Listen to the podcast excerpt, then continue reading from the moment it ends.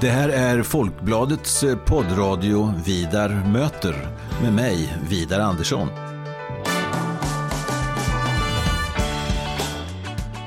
Jag är eh, chefredaktör på Folkbladet och jag är också ansvarig för Folkbladets ledarsida som eh, skrivs utifrån en oberoende socialdemokratisk hållning. Så i den här poddradion kommer jag att möta politiska personer av olika slag och vi ska ha ganska så korta och hoppas jag rappa samtal om stora och små samhällsfrågor. Varmt välkommen till Vidar möter.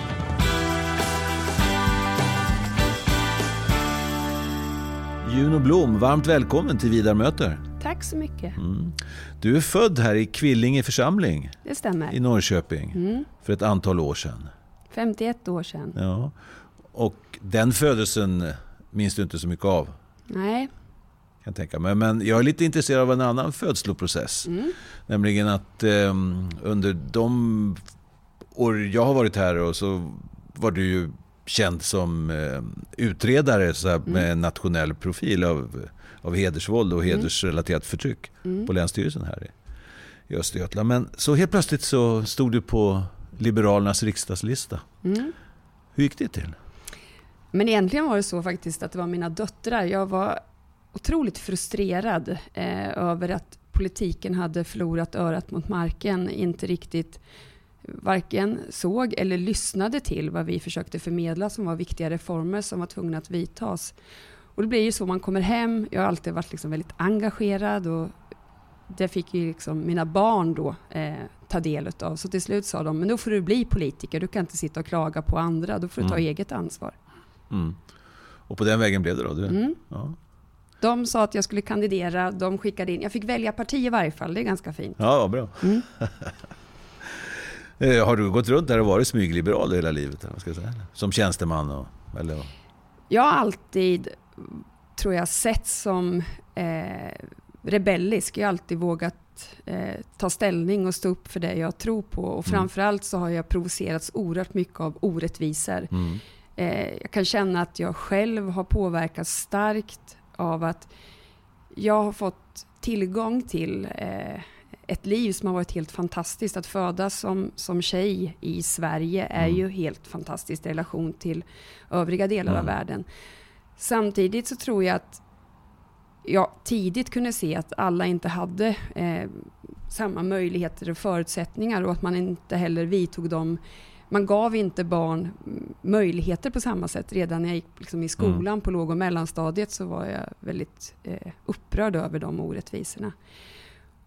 Och samtidigt så tror jag på individen. Jag tror verkligen att individen har enorm potential. Mm. Och oavsett så har alla barn, unga, vuxna rätten att bli sitt bästa jag. Och det är liksom grunden i hela liberalismen, att, att se att vi är individer. Och ibland kan man behöva få frihet genom staten, genom att staten ser att individen själv kan inte få det. Mm. Och ibland så har man ju en längtan efter frihet från staten och det eh, har alltid varit ett ett mantra inom mig och, och, stämmer ju väl överens med de liberala tankarna och idéerna. Mm. Och det gick ju väldigt raskt för dig. Du kom in i, i, i riksdagen och sen eh, eh efter det här turbulenta regeringsbildningen så i slutet av juni då, eh, mm. förra året så blev du vald till partisekreterare. Mm.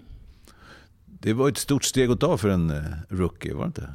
Ja, jag brukar säga det när jag är ute och träffar medlemmar. Om de kände en skräck eh, för att Nyamko valde att jag skulle bli partisekreterare så kan jag lova att den skräcken jag kände var mycket starkare än vad de kände. Ja. Så, för det handlar ju om ansvar och det handlar ju om i ett läge där framför allt för mig har det handlat om att politik är ju i sig inte ett mål. Jag har ju aldrig drömt om att bli politiker. Mm.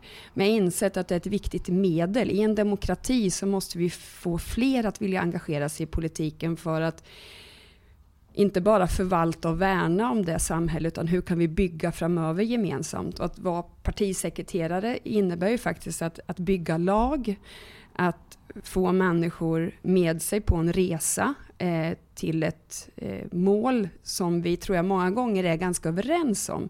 Men inte alltid vilken väg vi ska ta till mm. målet. Och det tror jag är min huvuduppgift, att, att tänka att vi gick in genom samma dörr för vi tror på liberalismen. Sen tror jag att det är bra för ett parti att se att man kan ta olika vägar till Rom. Mm. Men när vi väljer väg, att det är också viktigt att vi backar upp varandra i det vägvalet så vi lägger vår energi och tid på rätt saker. Mm.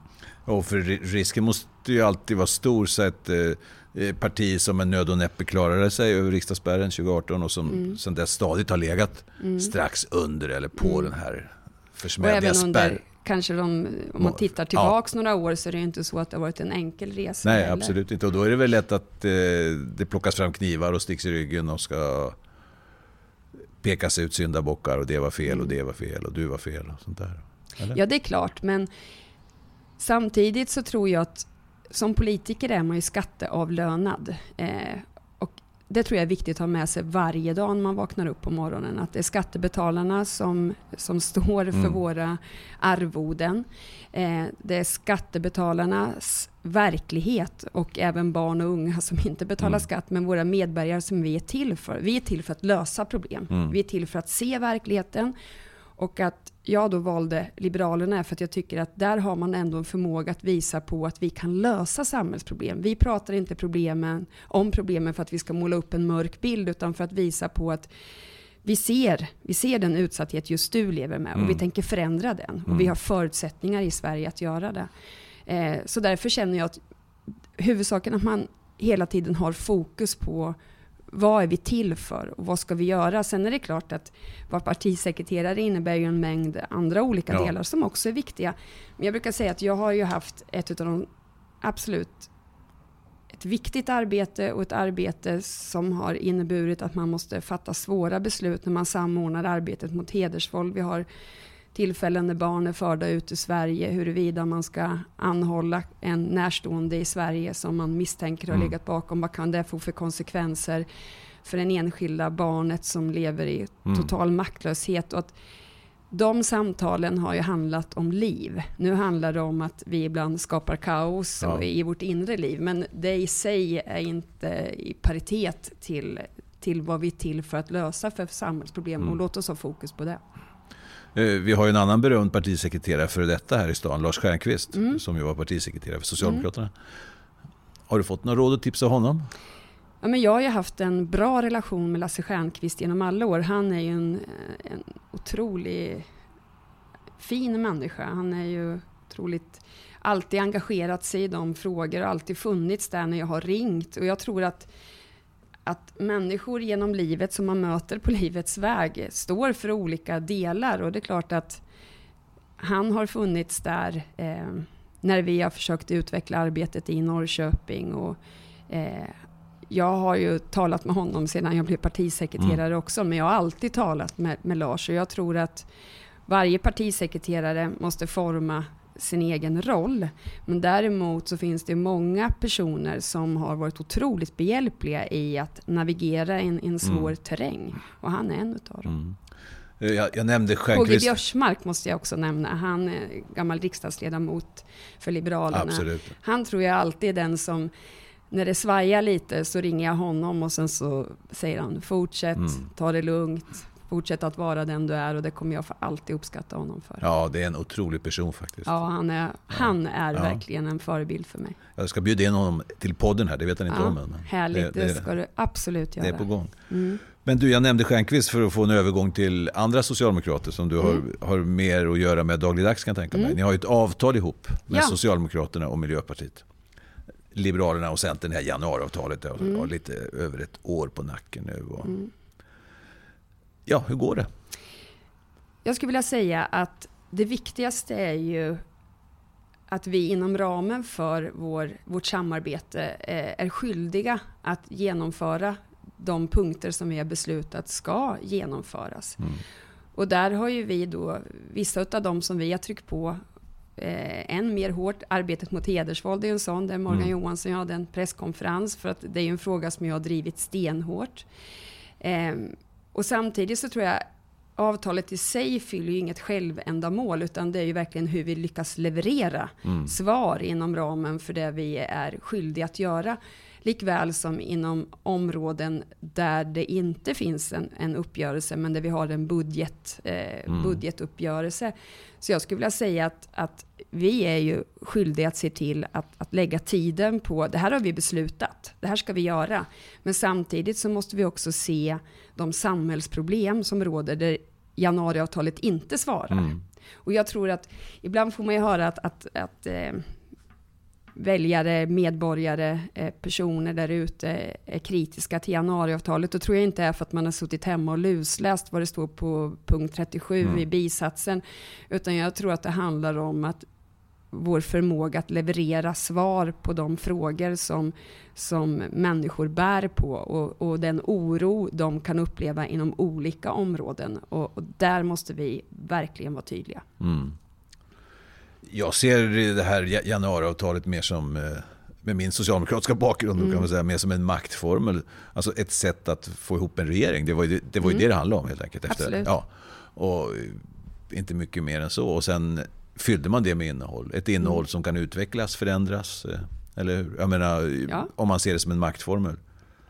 Ja, för, för några år eller hur länge det nu var. Jo, men eftersom jag kom in i riksdagen så fylld av energi och mm. ville förändra och det enda vi gjorde var att prata om politiskt mm. spel. Vem mm. ska leka med vem? Så kan jag säga att jag inte lämnade den byggnaden är ju helt förvånansvärt. Mm. Det kanske är den största utmaningen jag har stått inför någonsin. När man är en person som har identifierat en mängd olika samhällsproblem och vi lyckas aldrig prata om mm. verkligheten utan bara vem ska vi leka med?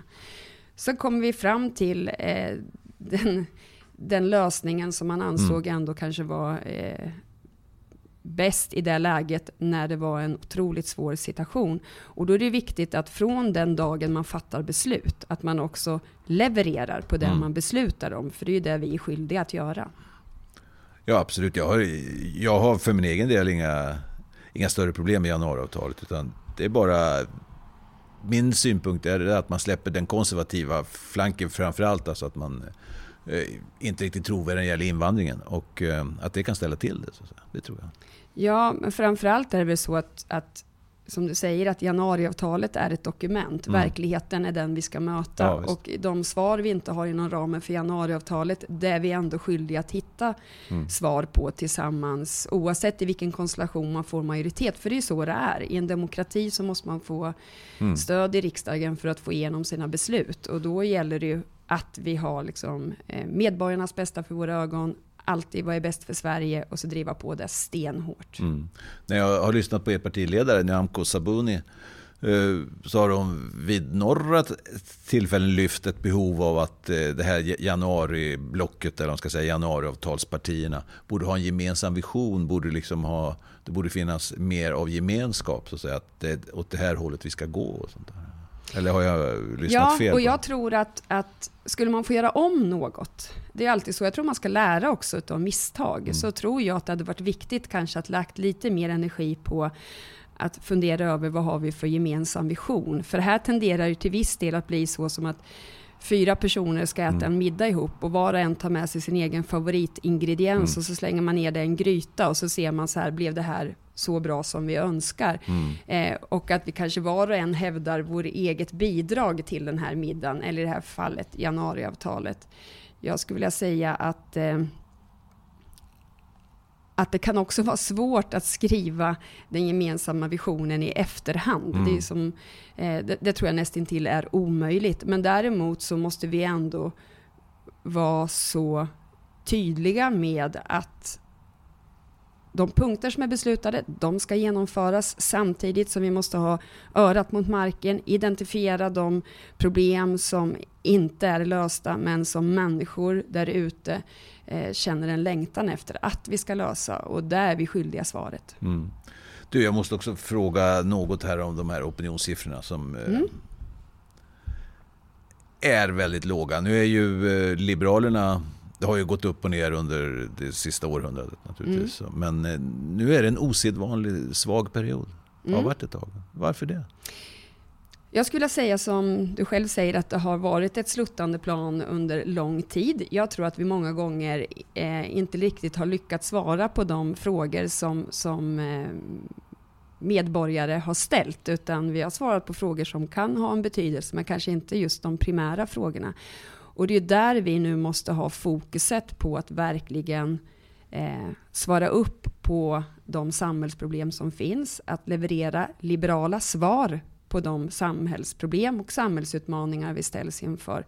Sprida det här framtidshoppet, för det är ju det som är att, att våga se verkligheten för vad den är. Samtidigt som signalera att det är klart att vi med självförtroende och med ryggrad, vi har ett välfärdssamhälle som generationer tidigare byggt upp, men där vi inte har förvaltat eller förädlat eller förfinat det på rätt sätt. Alltså vi har missat den stenen som rörde till exempel att bygga vidare när det gäller integration. Mm. Jag skulle säga för hundra år sedan så var ju liberaler i det fallet mm. tillsammans mm. med socialdemokrater en stark röst för att införa allmän och lika rösträtt. Mm. Och det var ju svaret på att vi inte använde kvinnors kapacitet mm. på rätt sätt. Vi hade inte samma förväntningar på kvinnor som på män och det här kunde inte Liberalerna stå ut med och alltså ställde man sig på barrikaderna. På samma sätt tycker jag när det gäller människor som har kommit till Sverige. Mm. Vi har aldrig sett dem utifrån deras kapacitet mm. att vara med och bygga. Nej, vi har inte haft förväntningar, vi har inte erkänt, utan jag tror ibland att vi har blivit till genom att vi har tagit hand om dem. Mm, och där tror jag är en viktig del i Liberalernas politik nu, att, att, att se människor, att visa på att vi har tro på dem och förväntningar, för det är det som stärker människor. Mm. Jag tänker när Barnombudsmannen intervjuade barn och unga i, både på i glesbygd och i förorterna så var det ju väldigt många av eleverna, både i årskurs 5 och årskurs 8, där man intervjuade dem, som hade väldigt låga förväntningar mm. på sin egen framtid. Och kunde också säga då att det byggde väldigt mycket på att de kände att vuxenvärlden hade låga förväntningar på deras personer och att man gör de här låga förväntningarna till den egna mm. bilden. Och du vet, jag kan inte acceptera det. Det är inte, det är inte rimligt, möjligt eller acceptabelt. Nej, det är bra, det ska du inte acceptera. Nej, det... Absolut, det, det där tycker jag är en alldeles strålande analys. Alltså att bli, att var, var, varför Sverige är så dåligt invandringsland. Alltså, vi vill ta emot, men vi visar nästan med andra handen att vi vill inte ha, vi vill inte ha dem. Vi ser inte nej. deras potential. Nej, nej. Och jag har ju jobbat i många år i ett miljonprogramområde. Och jag kan säga så här, den styrka som jag har sett i så många, framförallt kvinnor som mm. jag jobbade med, unga tjejer, den är enorm. Mm. Och att inte vi tar tillvara på den kapaciteten och banar väg. Och därför blir det ju viktigt med, hur kan vi reformera arbetsrätten? Hur gör vi det enklare för företagare för ett dynamiskt näringsliv. Jag kan mm. säga så här, den lyckan som jag har sett, både hos föräldrar men också hos barn, när, när de har fått sitt första jobb. Mm. När man känner att, att man kan gå till skolan mm. och berätta och, och man blir liksom, man går ifrån att ha bidrag till att bidra till mm. samhället. Alltså den är en så otroligt viktig reform. Mm. Och det måste vi stenhårt kämpa för. Ja, där, där, där har du säkert något bra. Jag menar, partiet, ett parti måste ju bli tydligare på något sätt. Här har du ju en linje, om ni inte flummar till den, utan att man är liksom eh, rak och konsekvent, men ändå detta hoppet som du utstrålar. Ja. Och som syns när du står där mitt ja. emot mig. Jo, men och, och, titta här, om man bara, jag tänker när man åkte till dig idag, så att, att jag hade ett samtal förra helgen med en fantastisk kvinna som är läkare. Hon är svensk och liksom har sin bakgrund i, i Kurdistan. Och hon åker ner och jobbar ideellt i lägren med mm. yazidiska flickor och kvinnor och kämpar för att ge dem framtidshopp. Mm.